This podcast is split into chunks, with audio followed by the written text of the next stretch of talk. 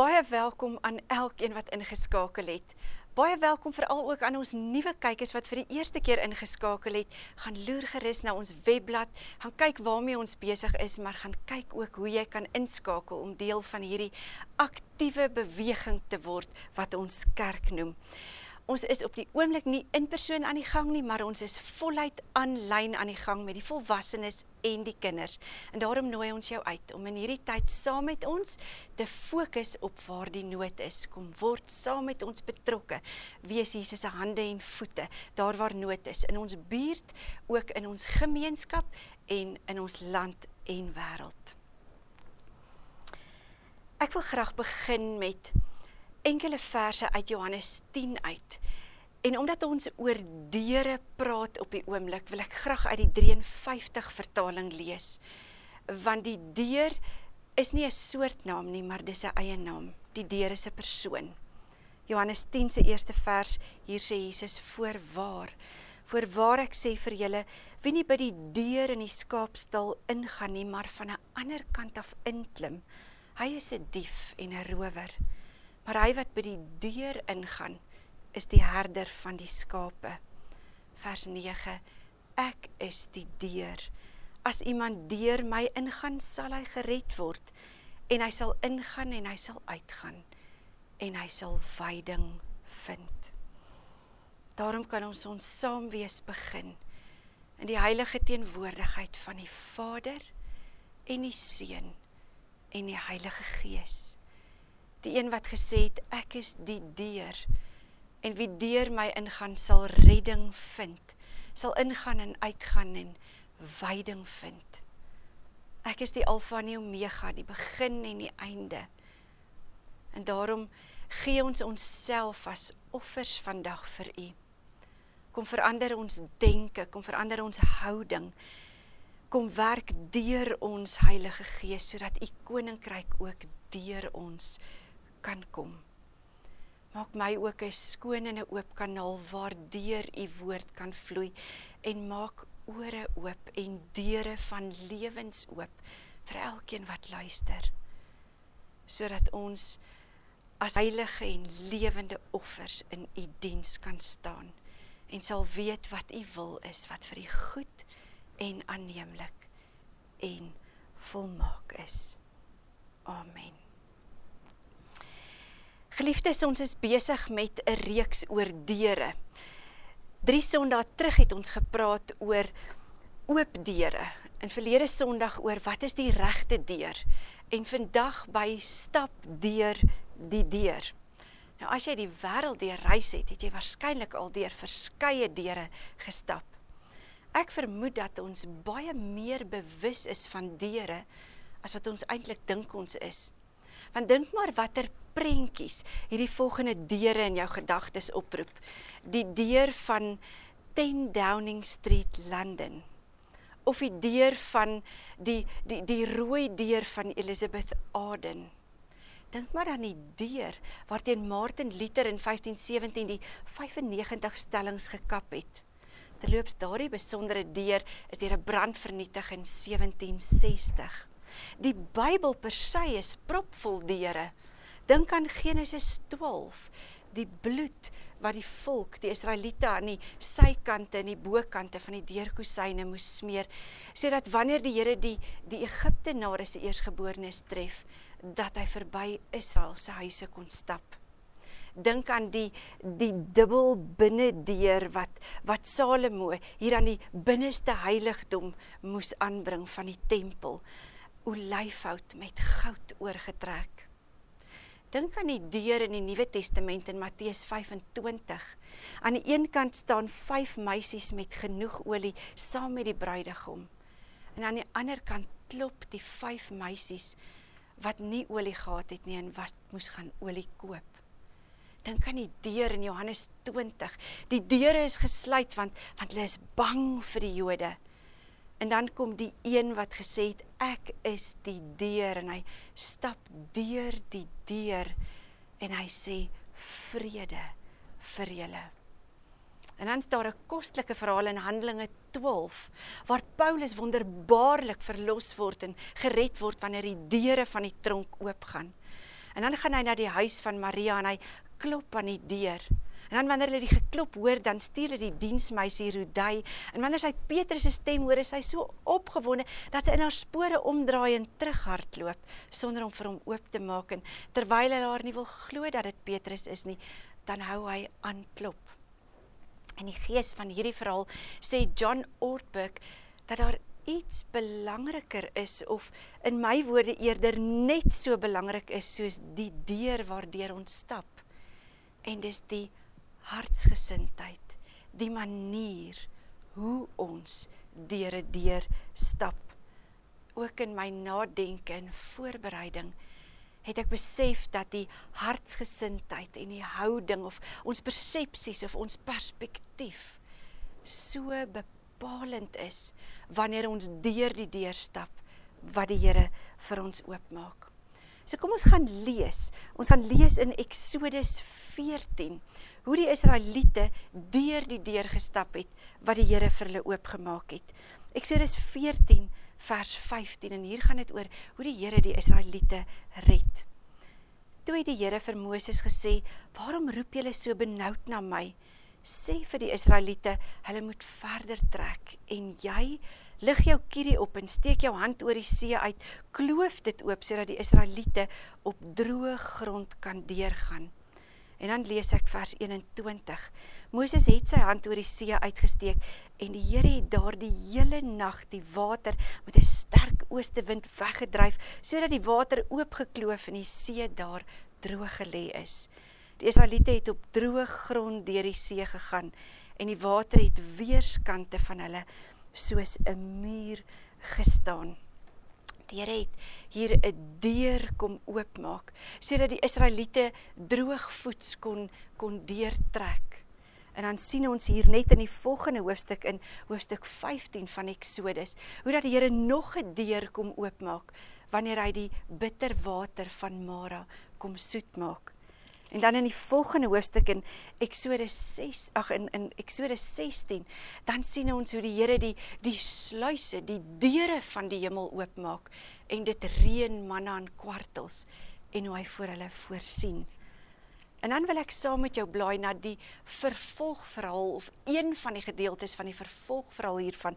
Soos dit opgeteken is in Numeri 11. En dit is hoe hulle reageer het op die deur wat vir hulle oopgemaak is. Numeri 11 en ons lees vers 4. Die mense van ander afkoms wat saam met die Israeliete getrek het, het 'n onweerstaanbare lus vir vleis gekry. En toe die Israeliete self ook begin kla en gesê: "As ons tog net vleis gehad het om te eet." Ons onthou nog die vis wat ons in Egipte verniet kon eet. Ook die komkom, die komkommers, die watlemoene, prei, eie en knoffel. Maar nou wurg ons. Daar is niks behalwe hierdie manna voor ons nie. Vers 19. Moses sê die volk hoor kla en elke familie by die ingang van sy tent hoor kla. Die Here het hieroor baie kwaad geword en dit was ook verkeerd in Moses se oë. Moses sê toe vir die Here: "Waarom behandel U my so sleg?" Waarom is u my nie goedgesind nie dat u die verantwoordelikheid van hierdie hele volk op my gelaai het? En dan vers 14. Ek sien nie langer kans om hierdie hele volk alleen te dra nie, want dit is te swaar vir my. sien wat hier gebeur is die wow ervaring van die Israeliete. Toe die Here die deure oopgemaak het, het gou vergete geraak. Ons sien ook hoe hulle terugverlang na hierdie eksotiese spyskaarte, hierdie hierdie geurende spyskaarte van Egipte. Die prei en die eie en die komkommer en hulle blameer God vir die geloofsprong wat hulle geneem het. En dan net hier om die draai staan Moses. En Moses is met sy eie stryd besig.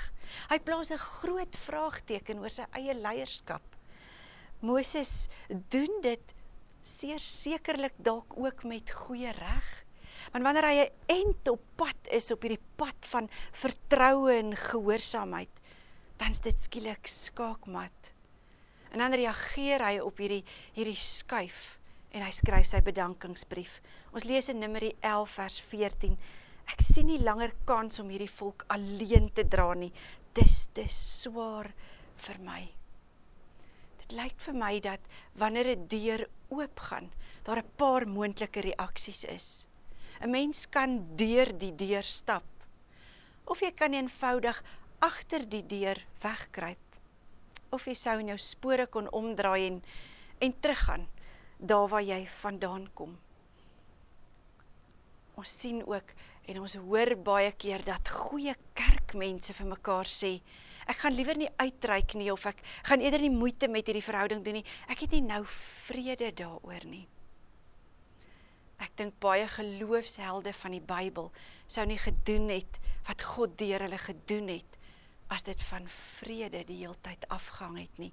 Want dit lyk vir my die Bybelse volgorde is nie roeping en dan groot gemak en diep vrede en pragtige gehoorsaamheid en vaar uit op rustige waters nie.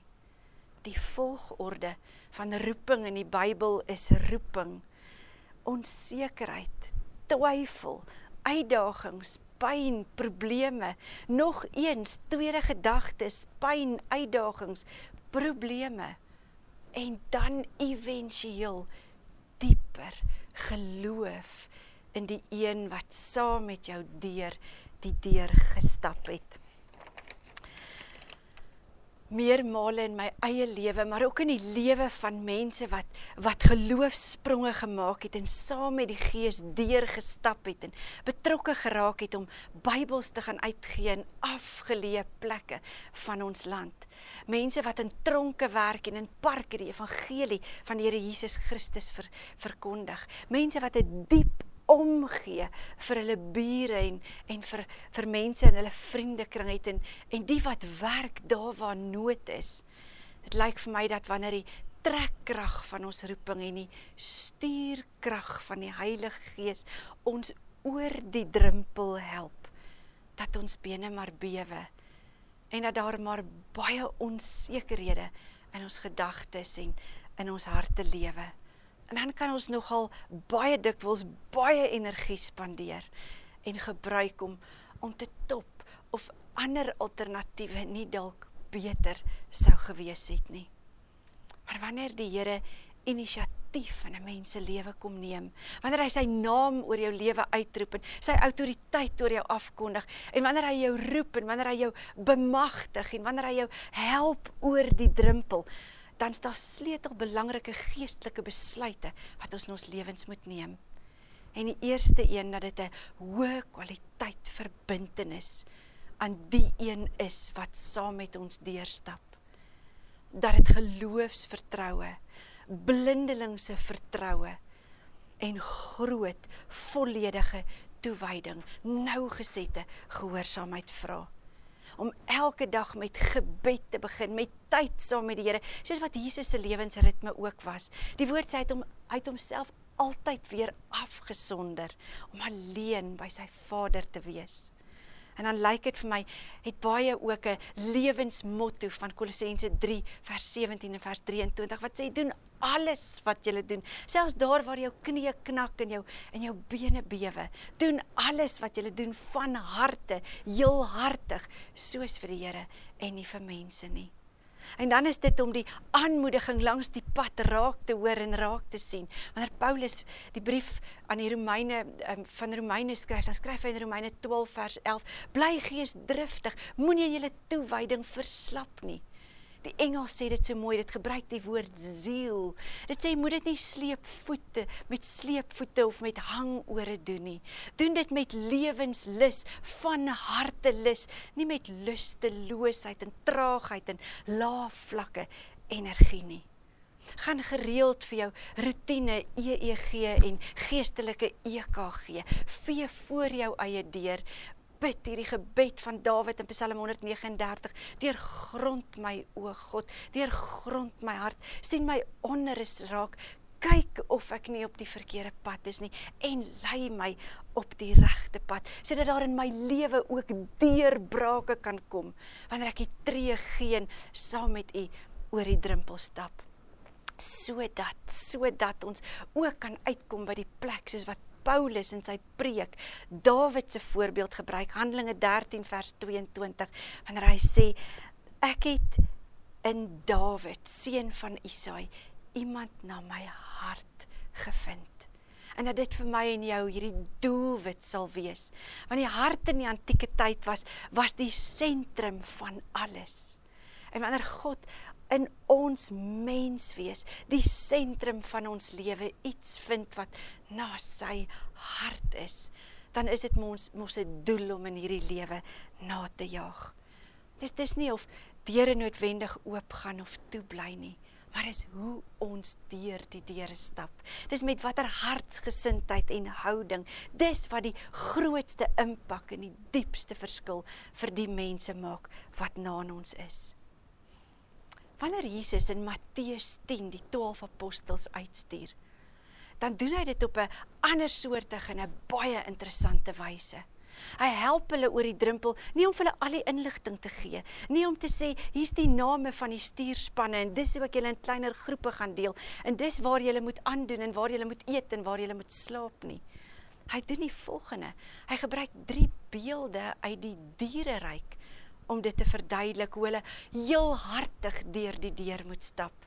Matteus 10 vers 16 sê Jesus: "Onthou, ek stuur julle so skape tussen wolwe in. Wees dus versigtig soos slange en opreg soos duwe." So wanneer hy kom sê ek stuur julle so skape tussen wolwe in, dan het jy nie nodig om op 'n plaas groot te word om te weet 'n skaap is nie die sterkste en die skerpste of die mees inspirerende dier op vier bene nie. Inteendeel, wanneer iemand nie op sy voete kan dink nie, sê ons dikwels dis sommer 'n skaapkop. Daarom is daar ook nie spanne in die sportwêreld soos soos skaapramme of die die suidelike skaapspan nie. Dis leeu's en cheetahs en bulle en haie. Want skape is net nie kompeterend nie. En tog sê Jesus, ek stuur julle so skape tussen wolwe in. Eugene Peterson vertaal dit in die message deur te sê ek stuur julle om te hardloop so skape tussen 'n trop wolwe deur. En dan moet dit mos met moed en met waagmoed gepaard gaan omdat 'n skaap weet dat hy absoluut niks het om op terug te val nie. Dan gaan dit mos met groot nederigheid en baie afhanklikheid gepaard. En dit voel vir my lyk dat broosheid meer punte tel as veiligheid. Dat die Here Jesus meer begaan is oor ons geloof as oor ons gemak. Daarom kan Paulus mos skryf in 2 Korintiërs 12 Drie keer het ek die Here gebid om om hierdie seer van my af weg te neem en elke keer was sy antwoord: "My genade is vir jou genoeg. My krag kom juis tot volle werking wanneer jy swak is, want die krag van die Here is jou beskutting, want as jy swak is, is jy sterk." Dit voel dis lyk like, dat wanneer die kerk moedig, maar nederig, afhanklik in ons nietigheid in ons broosheid so skape tussen wolwe ingaan dan doen ons dit op grond daarvan en as gevolg daarvan omdat ons die een ken wat gesê het ek is die goeie herder. Ek is die ingang. En wanneer jy deur my ingaan sal jy kan ingaan en uitgaan en veiding vind. Tweede ding wees versigtig so slange. Slange is wakker. Slange is waaksaam Slange het 'n het sin vir vir wat veilig is en nie veilig is nie, 'n leerbare gees en 'n sin vir wysheid. Slange is bewus van wat in die omgewing aangaan. En daarom wanneer die Here ons stuur, stuur hy ons om bewus te wees van die nood in ons omgewing. Bewus te wees van wie's die genade vernote wat saam met ons kan stap, maar waar is ook die brullende leeu Hy is soos die brullende leeu, maar Jesus is die leeu van Juda. En dan stuur Jesus ons om opreg te wees soos duwe. John Ortberg sê duwe is vir die wêreld van voëls soos wat skape vir die wêreld van diere is. Duwe is opreg en onskuldig. En daarom wanneer ons in hierdie lewe gaan leef en gaan werk, gaan wees en gaan doen, dan doen ons dit eenvoud, in eenvoud. Ons gaan doen dit eg en met opregtheid. Ons gaan doen dit sonder bymotiewe en ons gaan doen dit sonder bybedoelings. Dan gaan dit meer oor wie ons is as noodwendig oor wat ons doen. Letterman het gesê jy kan met 'n persoonlikheid, met jou persoonlikheid deure oopmaak, maar dis karakter wat deure oophou. Karakter, wanneer God se karakter deur die werk van die Heilige Gees in ons lewens oorgeplant en ingeplant word, dis hierdie karakter wat volhoubaar die koninkryk laat kom. Daarom die Here stuur ons. Hy stuur ons om te gaan wees, maar hy stuur ons om te gaan leef. Hy stuur ons so skape om deur 'n trop wolwe te gaan hardloop. Hy stuur ons om versigtig te wees soos slange en opreg te wees soos duwe. Hy stuur ons wanneer ons ook gaan leer by die volk om met die regte hartsgesindheid om met die die houding en die hartsgesindheid wat waarvan Paulus vir die gemeente in Filippense skryf Filippense 2 dieselfde gesindheid van Jesus Christus moet in julle wees. Hy het homself ontledig, hy het die minste geword sodat julle deur die deur kan ingaan. Hy stuur ons met 'n bepaalde hartsgesindheid. Hy stuur ons met 'n vaste tred om deur deure te stap, want ons ken die een van die deur is 'n persoon en nie 'n ding nie. Dis 'n persoon, die persoon van Jesus Christus. En hy moedig ons aan om ons oog deurentyd op die deur te hou. Hy moedig ons aan om elke dag voor ons eie deur te vee en te sê deurgrond my, o God, kyk na my onrus, kyk of ek nie op die verkeerde pad is nie, lei my op die beproefde pad. Hy stuur ons want deur hom is ons tot alles in staat deur Christus wat ons krag gee. Wat ons is is net genade. En wat ons het is net geleen. Kom ons gaan leef voluit. Gryp elke geleentheid aan. Stap deur die deur want ons reisgenoot is die een wat gesê het ek is die deur. En julle sal deur my ingaan en uitgaan en julle sal veiding vind. Amen. Heilige Here, ons aanbid U as die een wat wat die pad oopgemaak het, wat die pad oopgebreek het na die Vader toe. En daarom kan ons met vrymoedigheid na U genade troon kom om te sê deur grond ons o God.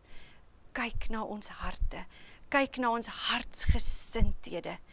Here kyk na ons karakter en maak dit elke dag al hoe meer wie Jesus Christus is, meer en meer soos hy.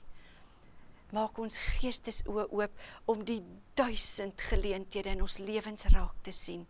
En mag ons met met die voete wat die blye boodskap bring, daardeur stap elke dag hand aan hand met ons reisgenoot die Heilige Gees ook in 'n deurmekaar wêreld 'n wêreld wat wat siek is en so swaar gebuk gaan onder die onder die druk van van 'n derde vlaag ons gebed is hemelse Vader wys ons waar ons kan help. Wys ons waar ons tot hulp kan wees. Wys ons hoe om met al is dit met bene wat bewe deur die deur te kan stap sodat ons ook ander kan wys wie die deur is.